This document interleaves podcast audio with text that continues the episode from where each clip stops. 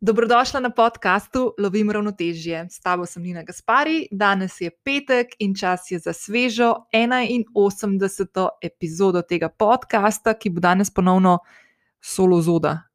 Uh, solo epizoda.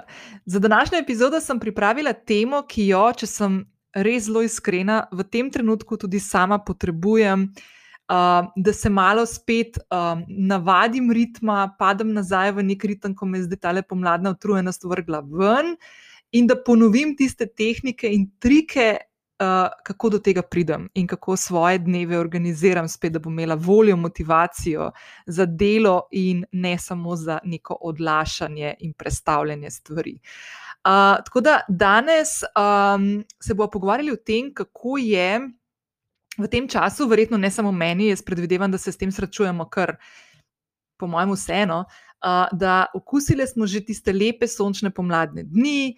Uh, verjetno je tudi tebe že začela loviti pomladna utrujenost, pa tisti prvi znaki sezonske depresije, ki se običajno pojavijo ob prehodu v nov letni čas. In če smo si vsaj malo podobni, potem si tudi ti pri sebi opazila, kakšno pomankanje motivacije pri delu, pa padec produktivnosti, uh, pa tisto odlašanje, pa se bom to jutri naredila, ali pa bom naredila na tisti dan, ki bo deževalo, ali pa naslednji teden, se ni tako nujno, in tako naprej.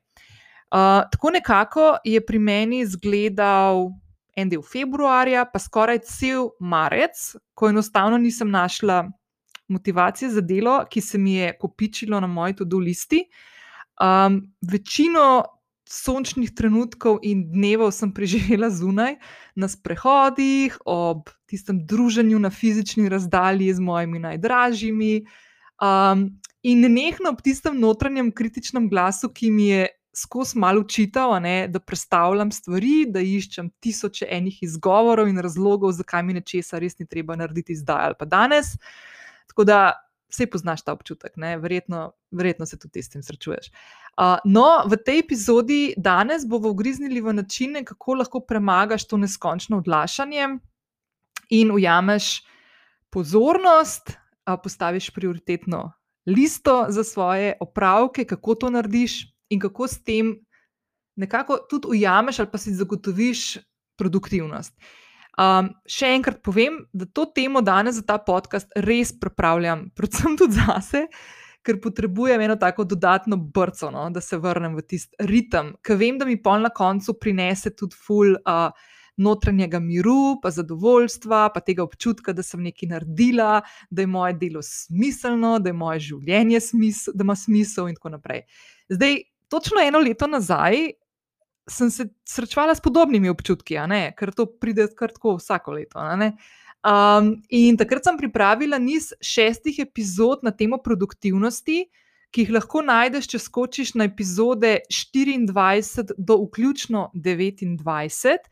Vse to sem dala tudi uh, v povezavo današnjega zapisa epizode, v katerega bom vključila še vse ostale teme, ki jih bom danes omenila. Tako da brez skrbi, vse stvari boš našla tudi tam, povezavo najdeš pa spodaj uh, v opisu te epizode, če podcast poslušaš prek kakšne od podcast aplikacij. Še to, danes bomo govorili o upravljanju časa in predvsem upravljanju naše pozornosti, ki te prepelje, seveda, tudi do tiste više produktivnosti. Uh, podpornik današnje epizode je podjetje Malinca ki že 8 let svojo blagovno znamko ekološke prehrane in naravne kozmetike uspešno nadgrajuje tudi s kakovostnimi in naravnimi prehranskimi dopolnili. In tudi tega se bomo malo dotaknili vmes v epizodi, tako da poslušaj naprej, da boš slišala, uh, kaj ti lahko še pri tem, uh, ko boš lovila produktivnost in osredotočenost, pomaga. Še to, če nisi prijavljena na podcast Lovim ravnotežje, to lahko storiš zdaj stisni pauzo in se prek aplikacije, na kateri trenutno poslušaš to epizodo, prijavi. Tako boš vedno vsak petek obveščena, da te v aplikaciji že čaka sveža epizoda. Vedno pa sem vesela, tudi če mi v aplikaciji pustiš mnenje ali pa kakšno oceno, to so tiste zvezdice. Um, ali pa, če se mi oglasiš s povratno informacijo na zasebno sporočilo, najraje vidim to na Instagramu, kjer se ti lahko najhitreje tudi odzovem. S prijavo dajo ocene in mnenja na aplikaciji, pri kateri se posluša podkaste, pomagaš, da za ta podcast slišijo tudi tebi podobne ženske in moški. In tudi tokrat, kot sem že rekla, lahko spodaj v opisu najdeš povezavo do zapisa epizode, kjer te čakajo vse tiste povezave za prejšnje epizode in vsebine, ki sem jih že pripravila in jih danes omenjam v tej epizodi, da boš hitreje našla in pogledala in poslušala še kakšno od drugih tem, ki se dotika današnje teme.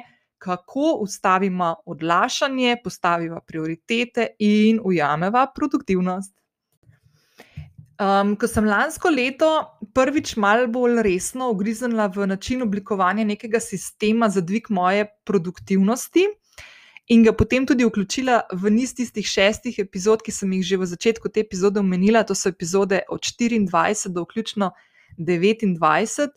Uh, sem takoj uh, trčila v svojo filozofijo lovljenja ravnotežja, in mojega dojemanja dobrega upravljanja časa, ki ga namenjam delu in tistim drugim stvarem in ljudem, ki so mi v življenju pomembni. Uh, če me poslušaš že dalj časa, potem veš, da je ena od stvari, katero, uh, do katere sem jaz izredno zaščitniška, je čas. In meni je blazno pomembno, in ena od ključnih vrednot v mojem življenju, ki je postavljena tako na top tri mesta, je, da želim upravljati svojim časom na način, kot meni sede. Se pravi, da, um, da, je, da so mi določene stvari tako pomembne, predvsem tudi te uh, stvari, ki jih počnem v zasebnem življenju, uh, brez katerih vem, da bi imela težave sama z sabo in tudi pri svojem delu, če si, če si ne bi vzela časa za tiste stvari. Tako da, ko jaz govorim o produktivnosti, bi rada še enkrat ponovila, da uh, na produktivnost ne gledam z vidika, kako sebe ali pa moje delo organizirati na način, da bom lahko opravila več dela, sprejela več naročnikov, vsak dan objavljala podcaste in tako naprej. Ne gre za to, ampak moje dojemanje produktivnosti je, kako lahko enak obseg dela, kot me čaka na moji tudi listi za jutri, naprimer, opravim hitreje, s preostankom časa, ki mi pa ostane, zato ker sem bila učinkovita, pa ga porabim za tiste stvari, trenutke ali pa ljudi, s katerimi si v življenju polnim svoje, svoj ta uh, kotliček uh, energije in uh, strasti in dobrega počutja, in tako naprej. In to je tisti način, kako jaz v svojem življenju upravljam enkrat malo bolj, drugič malo manj uspešno s tem lovljenjem ravnotežja. Tukaj se tak, ta skriva ta um, čudežni napoj. Gre pri, dejansko pri tem, kako upravljam s svojim časom in si zagotavljam, da uh, imam vedno dovolj časa za tiste stvari, ki me v življenju najbolj navdihujejo. Nekatere so povezane z delom, druge so povezane pa z drugimi stvarmi. In ko govorimo o upravljanju časa, uh, je treba eno stvar tukaj še ful poudariti in absolutno ne zanemariti, in to je ključna spremenljivka pri tem, ki je pozornost oziroma tvoja osredotočenost. Kaj s tem mislim? Uh, vsi imamo na voljo vsak dan 24 ur, ki jih pač porazporedimo na svoj način, tako kot si mi želimo.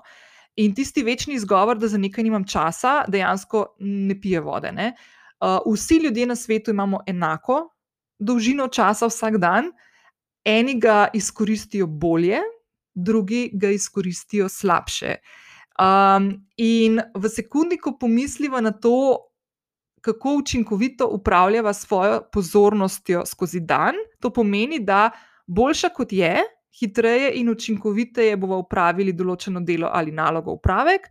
Uh, slabša kot je naša osredotočenost, dalj časa nam bo to vzelo, uh, več energije bomo tukaj porabili, in tako naprej. Tukaj se skriva tisti res ključen razlog, um, zakaj nekateri ljudje uh, presegajo tiste neke, naj rečem temu. Uh, poglede na to, kaj je biti uspešen, ki jih gledamo tako oddaleč in si mislimo, kako je to nekomu ratalo. Ne? Dejansko gre za to, da izredno dobro te ljudje upravljajo svojim časom in predvsem svojo pozornostjo. Uh, tako da ta izgovor, da nimamo časa, bo takoj stran dali. Se sploh ne bomo s tem ukvarjali, ker je to totalno irrelevantno, ne glede na to, kakšno življenje živiš, uh, kaj uh, v kakšnih navednicah, razmerah, oziroma kaj definira tvoje okolje, v katerem živiš in delaš. Uh, vse stvari je treba, seveda, to je realnost, ampak je treba prilagajati se uh, ča, s časom in s pozornostjo tem stvarem, če hočemo biti v življenju uspešni in delati korake naprej. In danes se bomo pogovarjali bolj v smeri, uh, kako lahko narediš, oziroma kako si vzameš čas za stvari, ki jih moraš ali pa želiš narediti. Zdaj bom tukaj povedala en primer odlašanja in zelo iz moje osebne izkušnje v tem trenutku uh, in stvari, ki si jih ful učitam, zato ker jih nisem naredila, pa jih imam že, če rečem, mesece v načrtu, se ful ne bom zlagala. In to je, da si že mesece imam na listi napisano in jih iz tedna v teden predstavljam na svojem koledarju, ta dva opravka, in to je, da pripravim nove e-knjige za te. Uh, imam že zbrane teme, vem, da vam bodo te teme všeč, zato ker tudi vidim, da so to ene od najbolj poslušanih tematik na tem podkastu. Um, vse imam že v glavi pripravljeno, v, v zavihkih na mojem brskalniku imam, po mojem, že tedne odprte vsebine. Uh, na moji strani, ki me bojo vodile, da pripravim te stvari, ampak enostavno odlašam. Um, zdaj odlašam zato, ker meni je ta stvar sicer zelo pomembna, ampak več kot očitno sem postavila druge stvari. Na bolj pomembno mesto, pa se bomo tega konkretneje lotili, ko bom govorila o tem, uh, kaj ti bom predstavila, par trikov, kako lahko s tem upravljaš. Ampak um, dejansko in običajno je tako, no, mene to zdaj ful boli, ker bom to povedala zdaj, ker ti povem to sago z, mojim, z mojo pripravo vsebin za te knjige. Da običajno, če nam je neka stvar resnično pomembna, si bomo za njo vzeli čas in naredili prostor, pa tišino ustvarjali, zato da se bomo tega lotili. Če nam pa ni tako zelo pomembna, pa bomo pa našli vse možne izgovore, ki nam bodo pomagali pri tem, da to odlašamo, pa da rečemo, da bomo tega se lotili naslednji teden, ali pa ko bo deževalo, ali pa, ali pa ne vem, naslednji mesec, zato ker v tem mesecu imam nekaj drugega. Ne? Zdaj, v mojem primeru so bile stvari, ki sem jih postavila na više prioritetno mesto. To, da sem, na primer, pripravila uh, strategijo uh, nastopa v medijih za enega naročnika, pa da sem sprejela še enega naročnika, ki ima en dogodek, pa ga, pa ga ima ful hitro, pa bomo mogli te stvari ful na hitro speljati pa da sem, eh, pa, pa pol sem rekla, dobro, noč, pa pol moram kolumne pisati, pa pol moram ustvarjati vsebine za podcast, pa se moram zmeniti za to, da bom posnela kakšne pogovore. Pa v glavnem, en kup enih stvari sem postavila nad to. Najbolj zanimivo pri vsem tem je pa to, da se blazno veselim trenutka, ko bom ugriznila v dve temi, ki jih pripravljam za te e-knjige.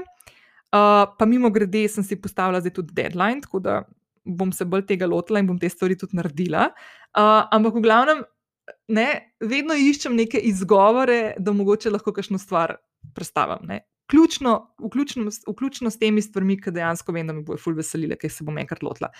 Zdaj, v mojem primeru, ne, naprimer, kjer so bili še tisti izgovori, te, ok, eno je bilo to delo, ki sem ga pač naredila, ker konec koncev je to tudi delo, ki je plačano in od katerega pol tudi konec koncev živim in tako naprej. Ne ampak pa so pa, naprimer, bili lepi dnevi, pa sem si vzela, naprimer, vse lepe dneve v prejšnjem tednu, kar mal na frej. Zato, da sem šla na sprehode čez rožnik, pa da sem se dobila s prijateljico v centru, pa so pojedli pico, pa da sem šla na sprehode s prijatelji, pa, pa da sem klepetala po telefonu vmes, ali pa poslušala podkaste, ali pa sem šla se igrati z nečakom Brestom, pa smo šla v živalski vrt, v glavnem tisoč in ena stvar, ki sicer so ful pomembne stvari in jih ne želim zanemarjati, ampak ne, spet, um, če sem zelo iskrena, sem ogromno enega časa tekla na mestu. Ka, tekla na mestu, kar se tiče dela in stvari, ki jih želim. Uh, Oblikovati in pripraviti, in napisati in spisati, in tako naprej. Tako da prva točka, ki jo je vedno fino preveriti in biti pri tem res iskrena, ne, je, a iščem izgovore, da nečesa ne naredim, ali mi enostavno to ni tako zelo pomembno. Um, v tej praksi lahko um, najdemo nek začetek navajanja, da začnemo postavljati prioritetno lestvico. Zdaj, če ugotovim, ne, naprimer, da je neka zadeva za me pomembna, se moram naučiti, kako bom za njo našla čas, pa si naredila nek prostor, pa tišino imela, pa dala stva, stran stvari, ki me motijo sicer, um, zato da bom res se lahko posvetila in osredotočila na to stvar. In danes bomo o teh stvarih govorili, kako se naučiti te stvari narediti, prepoznati, upeljati nek sistem, ki ti bo lahko pomagal pri tem, da naslednjič, ker se bo še en lep dan zgodil, ne Nina, da ne boš pol mislila, kako grem zdaj na šesturni sprehod, pa malo še v živalski vrt, pa tako ne. Pa tudi to je bilo fulfajn, ne me narobe razumeti. Ampak ok. Uh, zdaj, da ti bo lažje steklo, uh, sem pripravila nekaj trikov in nasvetov, ki meni pomagajo, ko se znajdem v takem obdobju in začniva kar s prvim. Prvi trik je upravljanje pozornosti in ne upravljanje časa. Kaj to pomeni? Um, pomisli na to, koliko krat na dan ti pozornost ukrade, naprimer, tisti zvok, da je preletela nova e-pošta ali pa klic, sporočilo, pa vsi oni notifikacijski od družabnih omrežij, ki jih uporabljaš. Kako pogosto padeš v tisto luknjo, ko za 5, 10, 20 ali pa več minut skrolaš po Instagramu, TikToku, ali pa naprimer greš na spletne portale, ali pa greš na Zarino spletno trgovino, ali pa kakšno drugo spletno trgovino, ali pa na IKEA-ino stran, pa pogledaš, če so že uni izdelki, ki so bili razprodani v prvem mesecu, že na voljo. Se ne govorim za sebe, ampak ja. Kje so tiste na ključne in resnično odvečne stvari, ki ti kradejo pozornost in te vabijo? da delo, ki te čaka, prestaviš na kasnejši čas. Tako da vedno je fino začeti najprej na tem, da, pre, da se naučiva prepoznati te trenutke in te motilce v najnem, oziroma mojem in tvojem okolju, da bomo lahko potem z njimi upravljali. Ne? Naprimer, moji motilci uh, so, naprimer, in kako s tem upravljam. Uh, naprimer, ko delam, ko pripravljam neko stvar, pri kateri sem, naprimer, moram biti kreativna, naprimer, da pišem kakšne vsebine, pripravljam scenarij naprimer, za podcast epizode in tako naprej, ali pa pišem strategijo za naročnika. Ponavadi v takih trenutkih dam telefon na AirMode, pa na Don't Disturb, in uh, tako da mi pa tudi na uri ne, ne, ne zvoni telefon, in ga dam na drugo stran stanovanja. Uh, ugasnem e-mail, se pravi, da ne vidim tistih rdečih krokcev, da sem dobila novo pošto uh, zaprem vse tiste zavihke na brskalniku, ki so povezani z družabnimi omrežji, zato da ne vidim tistega oklepaja enka, desetka, dvajsetka, da vam to sporočil. Um, tako da to, to so običajno tiste stvari, ki jih jaz že tako naredim v času, ko naprimer, imam tisti najbolj kreativni del dneva, oziroma tisti del dneva, ko dejansko želim biti res osredotočena na neke stvari. Um, Zdaj, kaj običajno narediš v trenutku, ko iščeš izgovore za odlašanje? Ne? Naprimer, full stvari se lahko spomniš. Zdaj bom jaz tako mali sebe izhajala. Naprimer, jaz pomislim, ko nekaj delam, ura je 12 in si mislim, joj, kaj pa če bi šla skuhati kosilo. Naprimer, to je lahko ena od stvari, kako odlašam s svojim delom in ga ne naredim do konca, zato ker se mi zdi, da zdaj pa bi bilo fulfino, da naredim kosilo. Ali pa, naprimer, lahko greš tudi čistiti stanovanje, naprimer, med nekim delovnikom. Prežgeš Netflix, kaj greš. Kosilo si poje. Ko greš kosilo jesti, prežgeš zraven Netflix, pa potem ješ kosilo veliko dalj časa, kot bi sicer. Tako da mal pomisli na to, katere so tiste stvari, katerim se ti ponavadi zatečeš, ko ti ob prelaganju upravka naenkrat postane tako mal dolg čas, pa iščeš neke razvade, zato da zapolniš misli in s tem narediš ti preskok iz notranjega obtoževanja, ki se običajno začne v tem času. Naprimer, jaz, naprimer, nekaj delam, pa pomislim, naprimer, pogledam na uro, pa rečem, uf, zdaj pa lahko že malo šla kosilo pripravljati.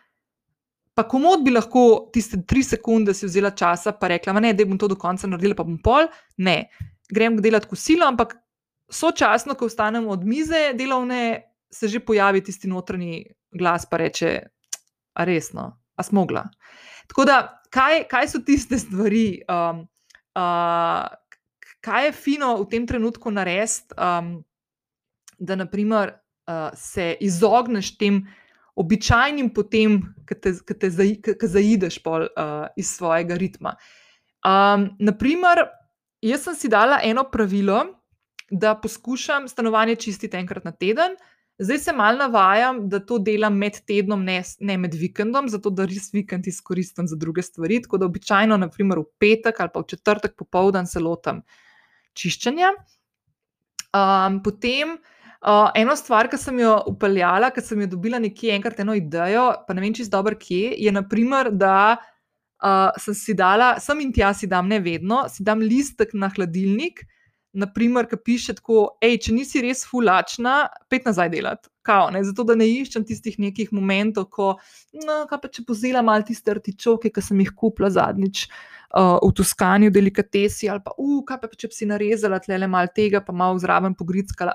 No, in pa to ni samo eno grickanje, tri minute pa zraven delam, ampak dejansko me odpelje stran od stvari, ki bi bilo fajn, da sem na njih osredotočena in sem si postavila namen, da bom osredotočena na njih. Um, in potem rabim toliko energije, da padem nazaj v to delo, da enostavno preložim pol ponovadi na kasnejše obdobje, oziroma če sem zelo iskrena, brutalno iskrena, ponovadi na naslednji dan. Ne? In tako se zgodi, da pa ne vem, ob enih zaključim z delom, pa bi lahko kakšno stvar še oddelala. Tako da, evo, to je naprimer ena od tistih stvari. Se pravi, da najprej je fino prepoznati, kje zapravljamo čas, kje so tisti trenutki v dnevu, ko nas odnese v to, da bomo poiskali vse možne razloge, da bomo neko delo ali pa upravek nalogo prestavili na kasnejši čas. Uh, pa, ful pomembno je, da se zavedamo, da je upravljanje časa ni enako upravljanju pozornosti.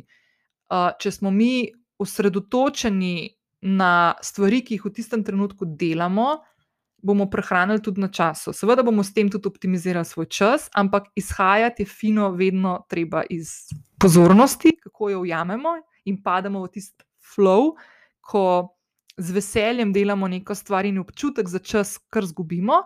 In potem s tem se navadimo tudi upravljati z našim časom in urnikom in koledarjem, mogoče malo bolj učinkovito, kot se v tem trenutku z njim ukvarjamo.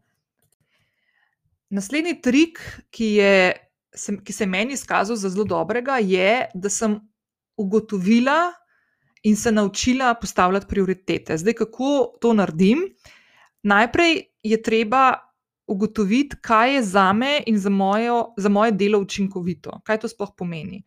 Um, to, na primer, pomeni m, učinkovito, ko rečem učinkovito, mislim na uh, katere so tiste reči v mojem delu, ki pomenijo, da resnično delam prave, pomembne, potrebne stvari oziroma upravke, in ne tisto, kar delam hitro, zato da upravim več upravkov zaporedoma in pa imam občutek, da sem lahko produktivna.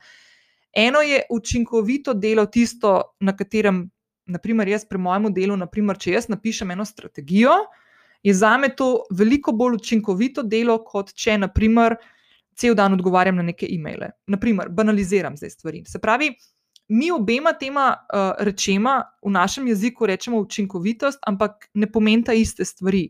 In pomembno se je naučiti in prepoznati te razlike. Zato, da se bomo lahko resnič, res, res tako osredotočili na tiste pomembne, nujne, potrebne upravke ali pa delo, ki nas čaka, oziroma ki ga imamo zapisanega ali v koledarju ali na to-do list in tako naprej. Torej, osredotočiti se je treba na tiste stvari, ki so zahtevnejše, zaradi katerih delamo korake naprej, in ne tiste stvari, ki jim po domače rečemo, da štancamo in nam dajo občutek, da smo res full velik naredili, čeprav pol na koncu dneva nimaš kaj pokazati. Ne? Tako da ta, ta, ta, ta, ta sistem je treba razdeliti, in vsak od nas ne, je fino, da se nekako loti razdelave in prepoznave, v kater koš pa še določeno delo, ki ga upravljamo vsak dan, oziroma je del našega delovnega življenja.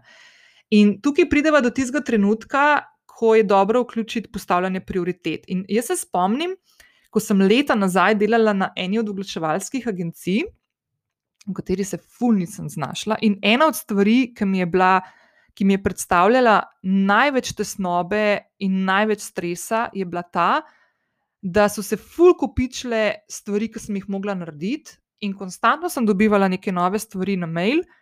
In ko sem rekla, ok, sorry, ampak kaj je zdaj prioriteta, sem dobila nazaj tako večinoma odgovor, ni na vse prioriteta. Se pravi, če sem pogledala točko ena na moji to-do listvi, je bilo pod točko ena zapisanih tako 5-10 stvari to ne moreš tako delati. Um, tudi to ni način, kako dobro delaš. Zdaj, če delaš v nekem delovnem okolju, v katerem dobivaš naloge od svojih nadrejenih ali pa sodelavcev, sodelavk ali pa naprimer strank, eh, kupcev, naročnikov, kako koli.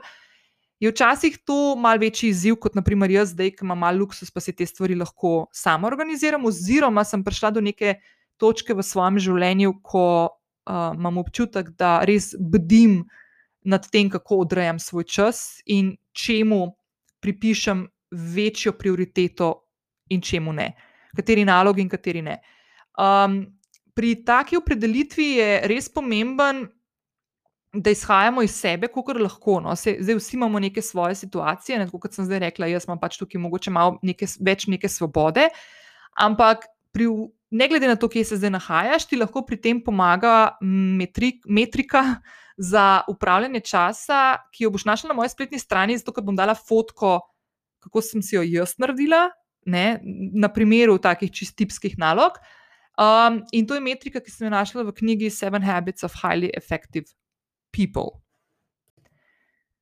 Zdaj, ta metrika je razdeljena tako na štiri kvadrate, uh, in v te kvadrate razdeliš upravke med pomembne in nepomembne, in nujne in ne nujne. In torej tisti, ki padajo pod pomembne in nujne, so običajno tisti upravki, ki so za nas ključni, ki jih moramo najprej upraviti, um, kjer običajno preživimo veliko časa v delu, ne veliko časa radi preživimo med upravki, ki so nujni, ali pa imamo neke roke oddaj, ali pa tako naprej. Um, in to je tisti del, ki se ga lotevamo tako kot gasilec, ki ne nekno gasi požare. Običajno so tle v tem kvadratu nujni in pomembni upravki ali pa naloge, tiste stvari, ki zahtevajo našo takojšno reakcijo. Tukaj se je ful za vprašati, ali je to dejansko res. Um, tako da, ko premetavamo um, naloge in skačemo z ene na drugo, ne, se običajno v tem kvadratu ko delamo na takih zadolžitvah, nalogah, upravkih na, eh, ali pa delu, se nam dviguje nivo stresa. Um, konc koncev, če to delamo dolg časa, lahko tudi vodi to v izgorelost, lahko pademo. Uh, v ta krog, da uh, imamo pomankanje spanja, zato ker imamo konstantno občutek, da moramo nekaj reševati, in tako naprej. Kruta realnost je, da če preživiš preveč časa v tem prvem kvadratu med nujnimi in pomembnimi upravki, uh, se življenja lotevaš tako, kot da skozi reagiraš na stvari, ki se okoli tebe dogajajo, in ne na stvari, ki jih ti ustvarjaš in gradiš. Ne? Tako da tukaj se pogosto zgodi tisto odlašanje, ko vidiš, da nek, naprimer. Uh, jaz sem si dala uh, rok, kdaj želim dati ven tiste dva e-booka, in zdaj bom čakala vem, en teden do takrat, in pa se bom lotila in bom imela čist stresno obdobje. Ne? Naprimer, to so take, take zadeve. Tako da jaz sem zdaj ta dva e-booka malo v krog obrnila, da sta prišla v drug kvadrat. Pa bom pa povedala, kako sem to naredila. Uh, tako da tle se to odlašanje zgodi. Ne? In um, ker vidiš, da imaš naprimer, še malo časa, ne? ker za to nalogo bom rabila toliko in toliko časa, se pravi, da imam še tukaj špuro, tako da lahko zdaj tukaj odlašam, pa naredim neke druge stvari prej. Um, tako da vedno si je dobro vzeti čas se poigrati in naučiti, kako lahko predstavimo neke stvari iz enega kvadrata v drugega. Uh, in več časa namenimo opravkom v drugem kvadratu, zdaj, če še vedno sliko pred sabo, si bo znala to predstavljati. Uh, to, kvadrat, to je ta, ki predstavlja ne nujne in pomembne opravke. Ne? To so tisti opravki, ki nam bodo na dolgi rok prinesli veliko več od tistih stvari, ki jih gasimo in rešujemo v prvem kvadratu.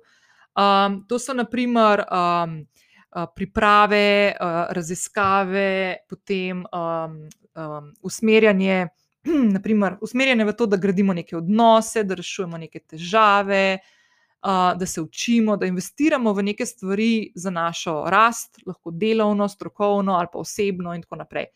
Uh, to so tiste stvari, s katerimi gradimo močne temelje, močen jedro ali pa center svojega življenja, zato da smo potem zadovoljni, umirjeni in tako naprej. In se lahko z veliko umirjenostjo lotimo tistih stvari, ki so nujne in pomembne v prvem kvadratu.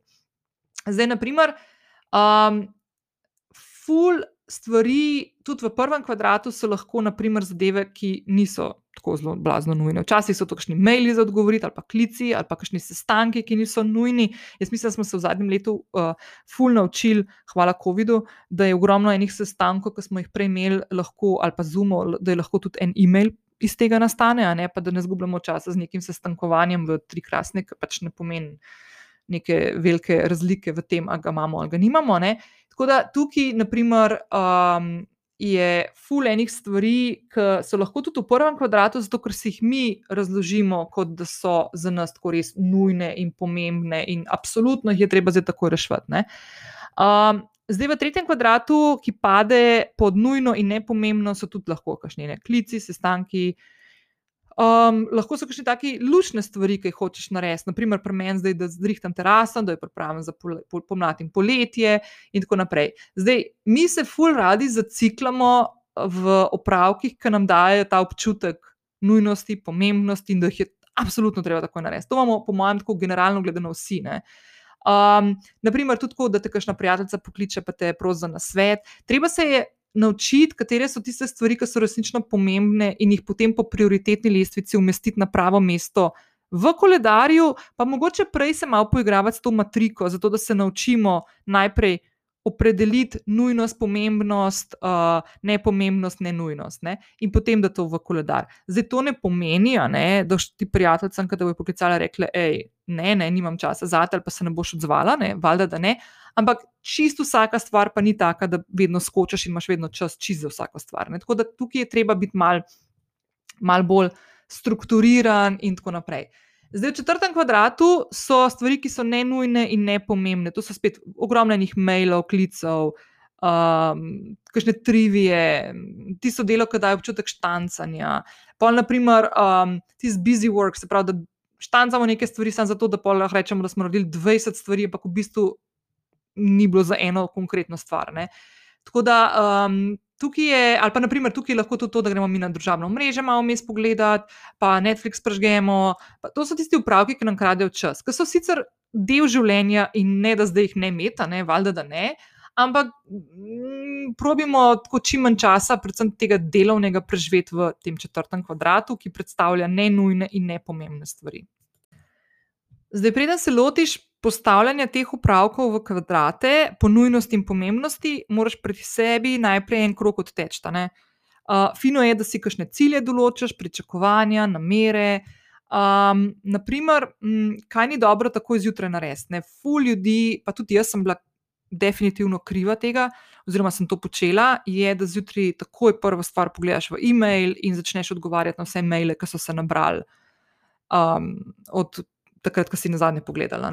Um, treba se je malo naučiti te, um, tega, da najprej dostopimo v, v dan na način, da smo mi tisti, ki upravljamo z našim časom. Se pravi, da, ga, da tiste jutranje stvari namenimo stvarem, ki nas um, osrečujejo, uh, premaknejo telo, um uh, v neko um, gibanje, ali pa v neko kreativnost, ali pa v nek premislek, da se povežemo sami s seboj, da naredimo tiste stvari, rutine jutranje, k, s katerimi bomo vsak dan stopili v nov dan najbolj optimalno. Uh, v osmi epizodi tega podcasta uh, sem govorila o moji jutranji rutini, ki mimo grede do danes je že čist druga, ampak nima veze. Um, In um, zdaj pripravljam prav vsebino na to temo, kako postaviti sistem za pripravo jutranje rutine, ne glede na to, koliko časa imaš na voljo, je to 10 minut ali je to 2 uri, zato da boš tudi ti uh, lahko um, sestavila svojo rutino, ki bo delala za te, in da ti bo vsak dan naredila tako, da boš res pripravljena stopila in najbolj optimalno stopila ven.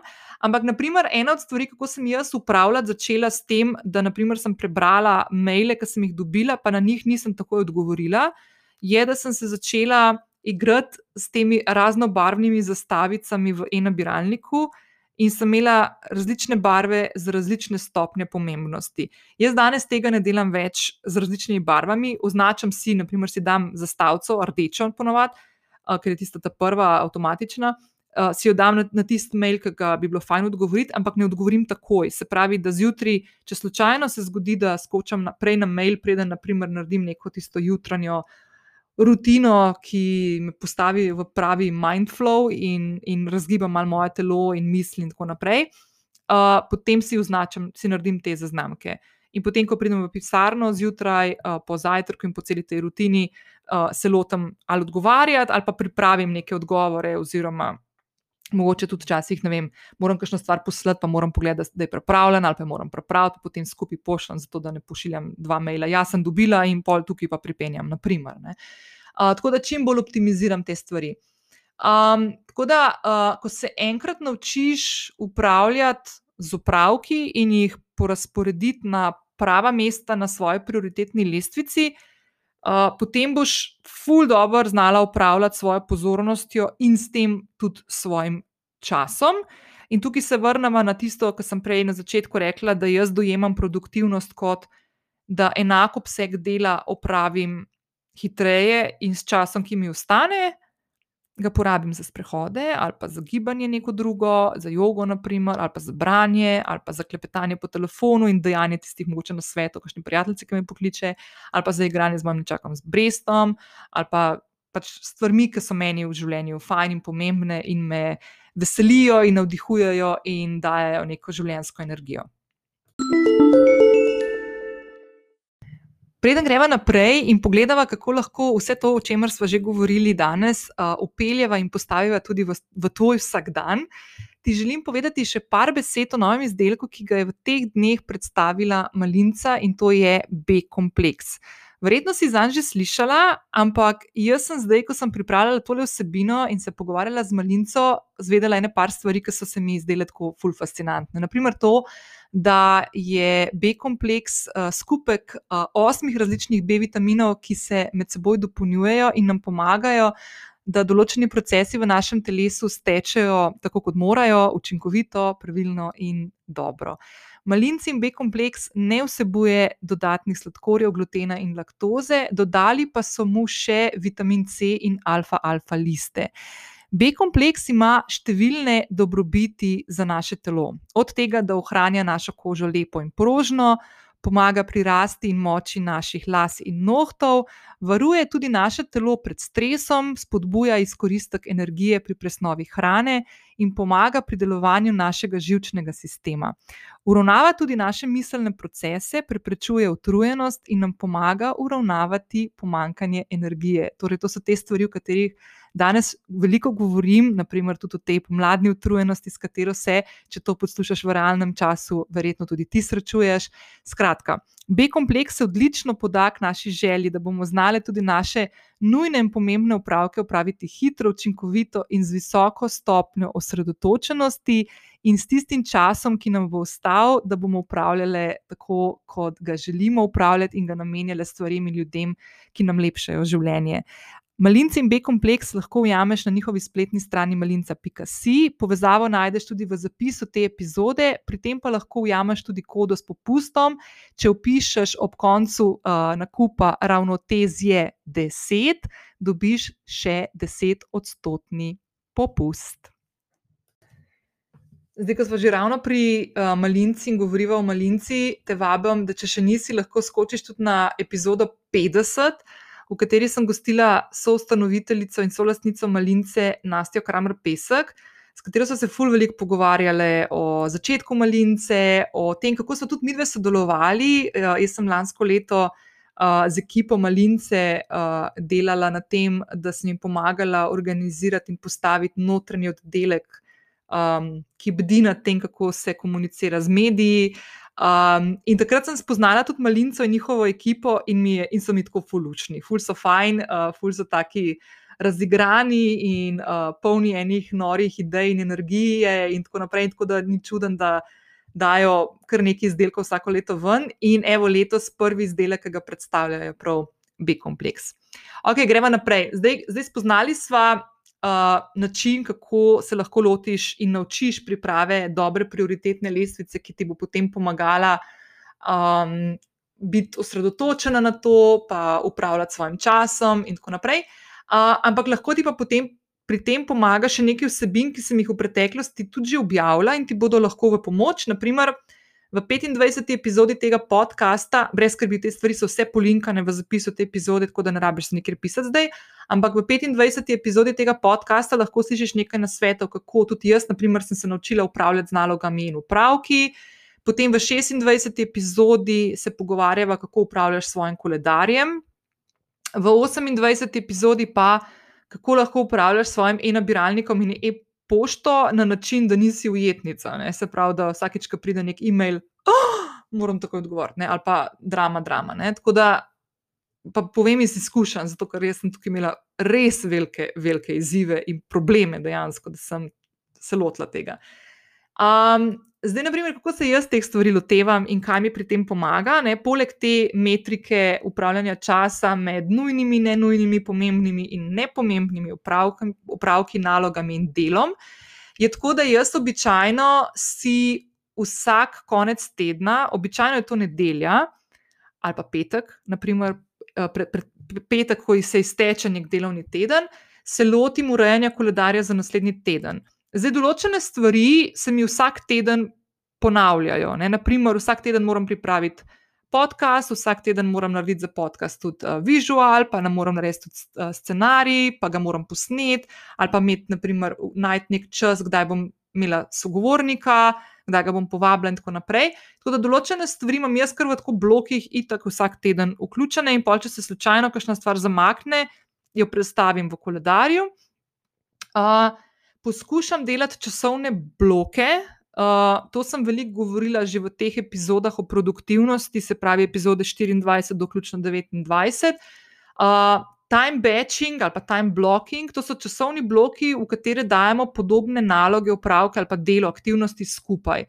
Zakaj? Um, skoraj po nekaterih podatkih 20 odstotkov energije porabimo ko skačemo z ene naloge na drugo, če so te naloge med sabo totalno različne. Se pravi, preden se naši možgani navadijo na neko drugo nalogo, ki je totalno drugačna od prejšnje. Naprimer, uh, smo zdaj imeli najprej pol ure, smo odpisovali vse maile, pol nas čaka pa pisanje strategije, kjer moramo biti kreativni, strateško razmišljati. Povezati vse svoje znanje v neko pripravo, neke take strateško pomembne stvari ali pa dokumenta, uh, je to, preden bomo preskočili v ta mindflow, da res razmišljamo o strategiji in o strateškem načinu postavljanja nekega načrta, bomo tukaj porabili en kup ene energije in seveda časa, da bomo lahko to zarotirali. Tako da, če le lahko, poskušaj podobne naloge dajati skupaj. Uh, jaz sem se to malo učila, malo mi je zdaj to razpadalo, pa bom spet začela upeljevati. Uh, naprimer, um, da imam en dan namenjen um, administrativnim stvarem. Uh, po, običajno se pravim držati tega, da imam en ali pa dva dneva v, uh, v tednu namenjena za kakšne te Skype ali pa Zoom ali pa te klice, pa sestanke. Ostali del tedna imam pa za tiste stvari, ki je fajn, da imam mir. In ko sem rekel, da dam naprimer takrat telefon na drugo stran stanovanja. Uh, uh, za tiste ustvarjalne trenutke ali pa za neke strateške premisleke in tako naprej. Um, jaz si običajno in to tudi komuniciram z mojimi naročniki in ljudmi, s katerimi sem v nekem delovnem odnosu. Um, jaz običajno ob petkih ne delam, kar pomeni, da v petek nisem dosegljiva. Zdaj to ne pomeni, da mene pač ni in da če nekdo z mano dela, se jaz ne dvignem telefona. Ne. Ampak poskušam imeti petke frej, zato da ob petkih delam tiste stvari, za kar običajno mi zmanjka časa. Ponavadi gre to za kakšno pisanje, ustvarjanje vsebin, načrtovanje vsebin in tako naprej. Um, tako da, naprimer, tako poskušam jaz tudi nekako zagotoviti prostor za te stvari, malo bolj na trdo, iskreno, včasih, ampak ok, naprimer, to se je pri meni izkazalo za, za dobro. Zdaj, jaz, naprimer, mm, pomagam si pri načrtovanju stvari, pa zapisovanju nalog, uporabljam Notion. To sta me navlekli Maša in Mojca, ki sta bili tudi gosti v tem eh, podkastu. Um, pa pišem v rokovnik. Um, jaz imam en tak moleskin rokovnik, ki ga uporabljam že leta, po mojem, 10-15 let. In vsako leto kupam novega, imam vsak dan na svojo stran, da imam tiste debelega. In jaz te upravke pišem tako da jih um, zapišem. Se pravi, naprimer, v petek ali pa običajno v nedeljo naredim jaz uh, pregled, kaj imam naslednji teden. In si to napišem v moj moleskin. Na začetku, spravo ponedeljek, si napišem te tedenske zadolžitve, kaj je v tistem tednu, kaj me čaka. Poleg tega, da imam to že zapisano tudi v koledarju na računalniku, pa na telefonu, kaj me čaka, in potem si napišem vsak konec dneva, ali pa naprimer v nedeljo, če gre za ponedeljek, si zapišem ključne tri naloge in upravke, ki jih moram narediti naslednji dan. Um, zakaj to naredim?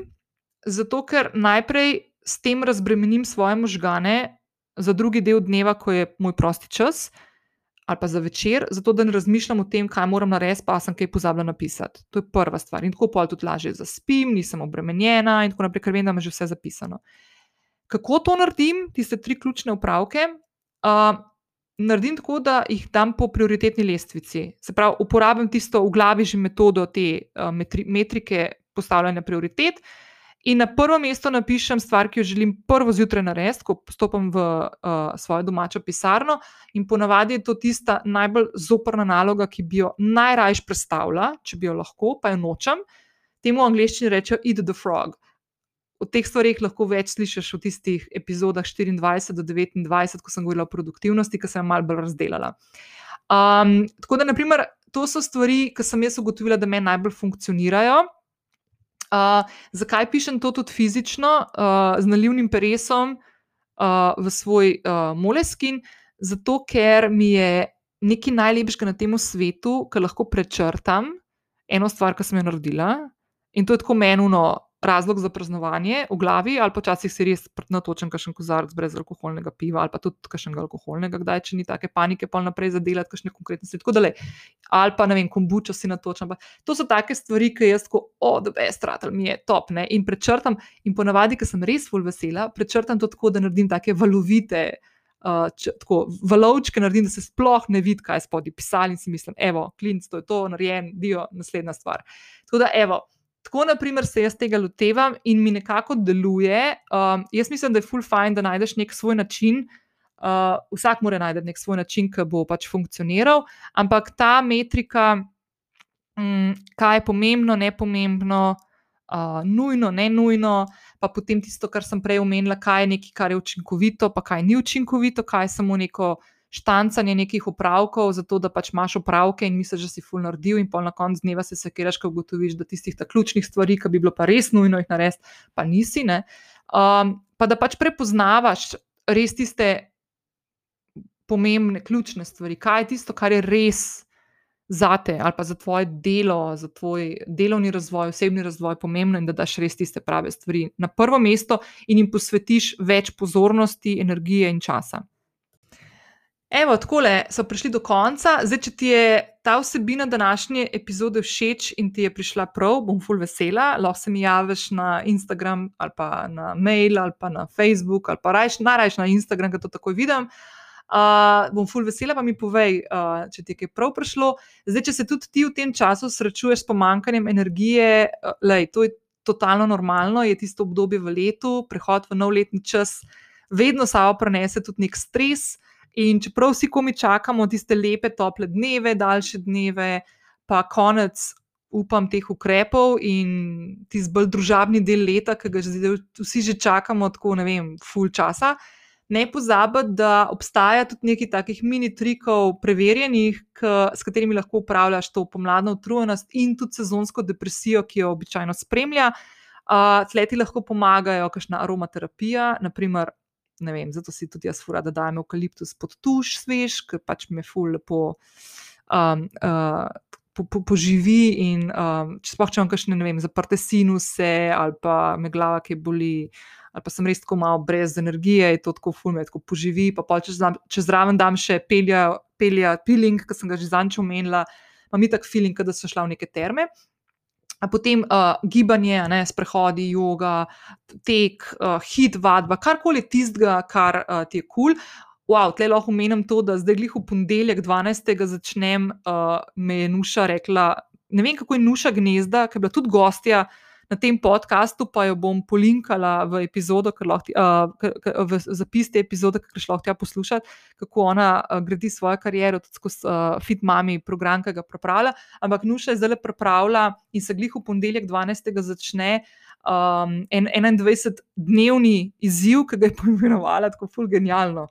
Uh, ključnih naslednjih 21 dni, malo se zezamo že vsi iz teh ukrepov, no, ampak in a good way bo ne, bomo nekaj dobrega naredili zase. Uh, tako da se bom jaz tudi pridružila temu, kar je Nuša očitno zavohala, da sem jaz tako mal padla ven iz tega njenega programa že kar nekaj časa nazaj. In sem ravno v tem tednu, kakšen dan, dva, preden me je obvestila, da bo pripravila ta izziv. Uh, sem razmišljala, kako bi bilo fino, če bi spet našla nek trenutek v dnevu, da upeljem noter tudi to vadbo uh, iz nušnjega programa Fit Mami. Uh, ki ga imam kupljenega, enko in dvojko, in evo, vedno nekje tam pred tretjim mesecem zagovedam. Tako da, evo, ful mi bo dobro tole prišlo, da, teh 21 ključnih dni, a ne, sebi v prid vzamem. Tako da, ja, evo, gibanje je pač takšno, kot je tebi um, všeč, uh, je lahko ena od res ful dobrih stvari, kako premaguješ to pomladno utrujenost in sezonsko depresijo. Potem je pisanje dnevnika, o tem bova obljubim več govorili v prihodnih epizodah. Potem, da postaviš urnik, pa se držiš tega, uh, držiš se tistih stvari, ki si jih napišeš, naprimer na prioritetno listvico ali pa tudi listo. Ne? Um, in potem boš to boljšo organiziranostjo in upravljanjem svoje pozornosti in časa imela več časa zase in boš namenila lahko svoj čas tistim stvarem, ki ki so pa tiste tvoje edinstveno gorivo, ki ti daje full energije, zato da delaš tudi tiste stvari v življenju, ki mogoče niso glih tiste, ki bi, ki bi raje kakšne druge delala. Ponovadi je to povezano s kakšnimi delovnimi nalogami. Ne? Naprimer. Tako da, ja, evo, to je to. Hvala za tvojo pozornost, uh, hvala, da si ostala z mano do konca, hvala za uh, tvoj čas. Uh, želim ti en lep petek, uh, se bomo slišali spet, seveda, naslednji petek, ker pripravljam že nove vsebine. Imam že malo v mislih, kaj, ampak da vas je pustiti presenetiti. Lepo bodi, čau!